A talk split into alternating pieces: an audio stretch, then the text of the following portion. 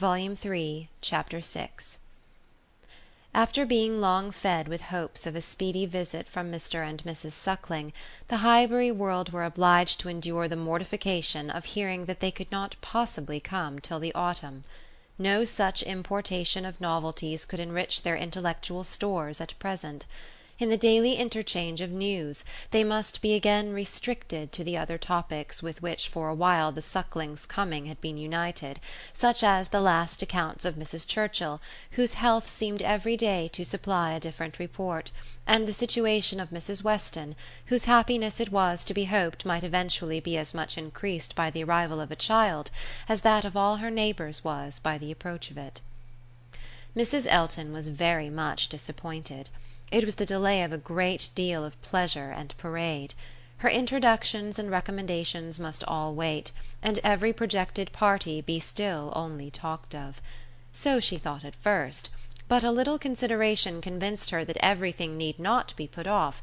Why should not they explore to Box Hill though the Sucklings did not come? They could go there again with them in the autumn. It was settled that they should go to Box Hill.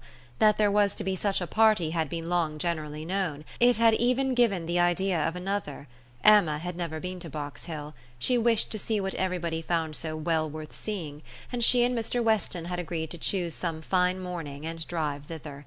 Two or three more of the chosen only were to be admitted to join them, and it was to be done in a quiet unpretending elegant way infinitely superior to the bustle and preparation, the regular eating and drinking and picnic parade of the Eltons and the Sucklings. This was so very well understood between them that Emma could not but feel some surprise and a little displeasure on hearing from Mr Weston that he had been proposing to Mrs Elton, as her brother and sister had failed her, that the two parties should unite and go together and that as Mrs Elton had very readily acceded to it so it was to be, if she had no objection. Now as her objection was nothing but her very great dislike of Mrs Elton, of which Mr Weston must already be perfectly aware, it was not worth bringing forward again; it could not be done without a reproof to him, which would be giving pain to his wife, and she found herself therefore obliged to consent to an arrangement which she would have done a great deal to avoid an arrangement which would probably expose her even to the degradation of being said to be of Mrs Elton's party. Every feeling was offended, and the forbearance of her outward submission left a heavy arrear due of secret severity in her reflections on the unmanageable good will of Mr Weston's temper. "I am glad you approve of what I have done," said he very comfortably. "But I thought you would. Such schemes as these are nothing without numbers; one cannot have too large a party; a large party secures its own amusement; and she is a good natured woman after all; one could not leave her out. Emma denied none of it aloud, and agreed to none of it in private. It was now the middle of June, and the weather fine, and Mrs Elton was growing impatient to name the day, and settle with Mr Weston as to pigeon pies and cold lamb, when a lame carriage horse threw everything into sad uncertainty. It might be weeks, it might be only a few days, before the horse were usable, but no preparations could be ventured on, and it was all melancholy stagnation. Mrs Elton's resources were inadequate to such an attack. "Is not this most vexatious, Knightley?" she cried. "And such weather for exploring! These delays and disappointments are quite odious. What are we to do? The year will wear away at this rate, and nothing done. Before this time last year, I assure you, we had had a delightful exploring party from Maple Grove to King's Weston." "You had better explore to Donwell replied Mr. Knightley. "That may be done without horses. Come and eat my strawberries; they are ripening fast." If Mr. Knightley did not begin seriously, he was obliged to proceed so, for his proposal was caught at with delight, and the "Oh, I should like it of all things!" was not plainer in words than manner. Donwell was famous for its strawberry beds, which seemed a plea for the invitation; but no plea was necessary; cabbage beds would have been enough to tempt the lady, who only wanted to be going somewhere. She promised him again and again to come, much oftener than he doubted, and was extremely gratified by such a proof of intimacy, such a distinguishing compliment as she chose to consider it. "You may depend upon me," said she, "I certainly will come. Name your day, and I will come. You will allow me to bring Jane Fairfax?" "I cannot name a day," said he, "Till I have spoken to some others whom I would wish to meet you." "Oh, leave all that to me. Only give me a carte blanche. I am Lady Patroness, you know. It is my party. I will bring friends with me." "I hope you'll bring Elton," said he, "but I will not trouble you to give any other invitations." "Oh, now you are looking very sly. But consider, you need not be afraid of delegating power to me. I am no young lady on her preferment. Married women, you know, may be safely authorized. It is my party. Leave it all to me. I will invite your guests."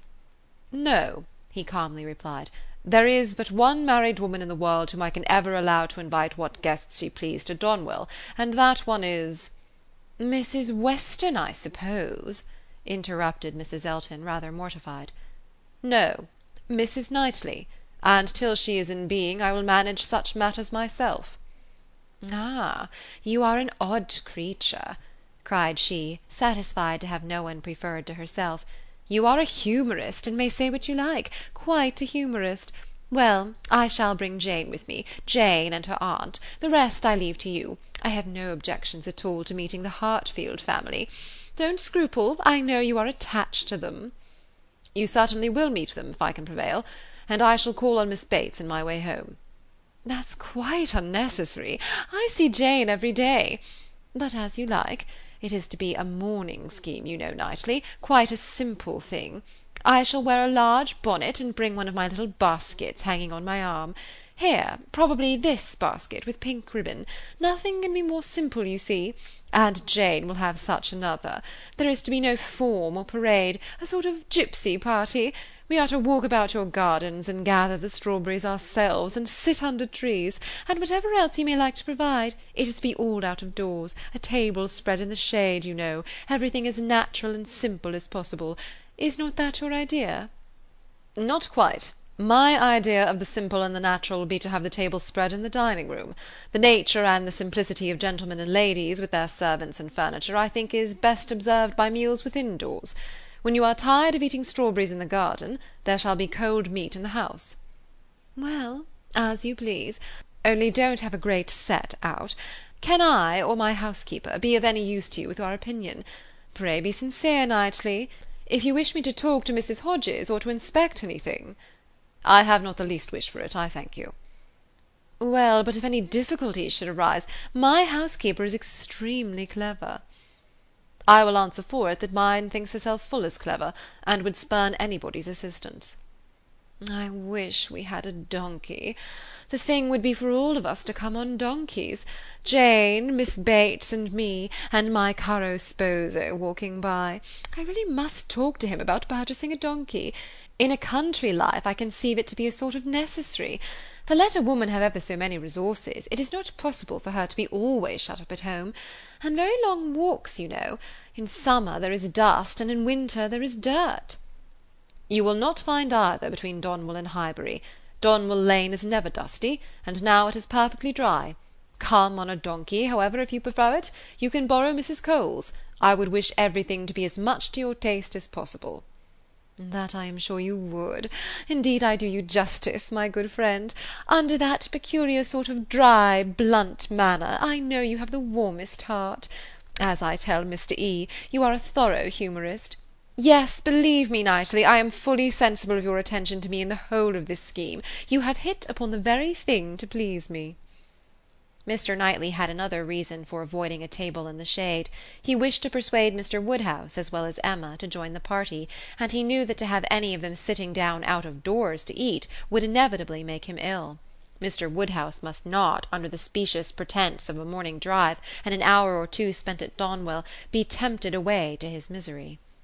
He was invited on good faith. No lurking horrors were to upbraid him for his easy credulity. He did consent. He had not been at Donwell for two years. Some very fine morning he and Emma and Harriet could go very well, and he could sit still with Mrs. Weston while the dear girls walked about the gardens. He did not suppose they could be damp now in the middle of the day. He should like to see the old house again exceedingly, and should be very happy to meet Mr. and Mrs. Elton and any other of his neighbours. He could not see any objection at all to his and Emma's and Harriet's going there some very fine morning. He thought it all very well done of Mr. Knightley to invite them, very kind and sensible, much cleverer than dining out. He was not fond of dining out. Mr. Knightley was fortunate in everybody's most ready concurrence. The invitation was everywhere so well received that it seemed as if, like Mrs. Elton, they were all taking the scheme as a particular compliment to themselves. Emma and Harriet professed very high expectations of pleasure from it, and Mr. Weston, unasked, promised to get Frank over to join them, if possible; a proof of approbation and gratitude which could have been dispensed with. Mr. Knightley was then obliged to say that he should be glad to see him, and Mr. Weston engaged to lose no time in writing, and spare no arguments to induce him to come. In the meanwhile the lame horse recovered so fast that the party to Box Hill was again under happy consideration, and at last Donwell was settled for one day and Box Hill for the next, the weather appearing exactly right. Under a bright midday sun, at almost midsummer, Mr. Woodhouse was safely conveyed in his carriage, with one window down, to partake of this alfresco party, and in one of the most comfortable rooms in the Abbey, especially prepared for him by a fire all the morning, he was happily placed, quite at his ease, ready to talk with pleasure of what had been achieved, and advise everybody to come and sit down and not to heat themselves. Mrs. Weston, who seemed to have walked there on purpose to be tired, and sit all the time with him, remained, when all the others were invited or persuaded out, his patient listener and sympathizer. It was so long since Emma had been at the Abbey that as soon as she was satisfied of her father's comfort she was glad to leave him and look around her, eager to refresh and correct her memory with more particular observation, more exact understanding of a house and grounds which must ever be so interesting to her and all her family. She felt all the honest pride and complacency which her alliance with the present and future proprietor could fairly warrant as she viewed the respectable size and style of the building, its suitable, becoming, characteristic situation, low and sheltered, its ample gardens stretching down to meadows washed by a stream, of which the Abbey, with all the old neglect of prospect, had scarcely a sight, and its abundance of timber in rows and avenues, which neither fashion nor extravagance had rooted up.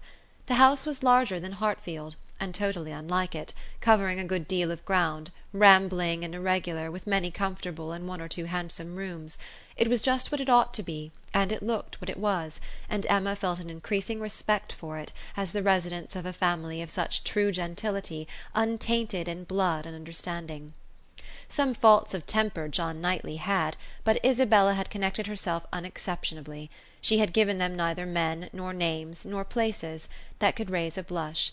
These were pleasant feelings, and as she walked about and indulged them till it was necessary to do as the others did, and collect round the strawberry beds.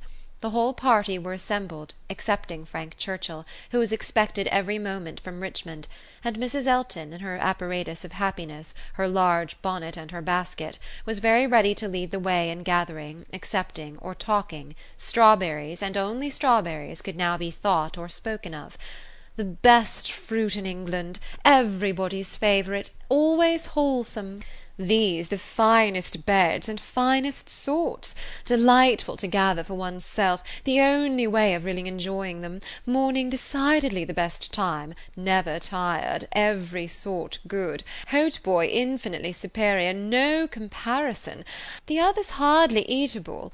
Hautboys very scarce, Chili preferred, Whitewood finest flavour of all, price of strawberries in London, abundance about Bristol, Maple Grove, cultivation, beds when to be renewed, gardeners thinking exactly different, no general rule, gardeners never to be put out of their way, delicious fruit, only too rich to be eaten much of, inferior to cherries, currants more refreshing, only objection to gathering strawberries the stooping, glaring sun, tired to death could bear it no longer, must go and sit in the shade. Such, for half an hour, was the conversation, interrupted only once by Mrs. Weston, who came out, in her solicitude after her son in law, to inquire if he were come, and she was a little uneasy; she had some fears of his horse.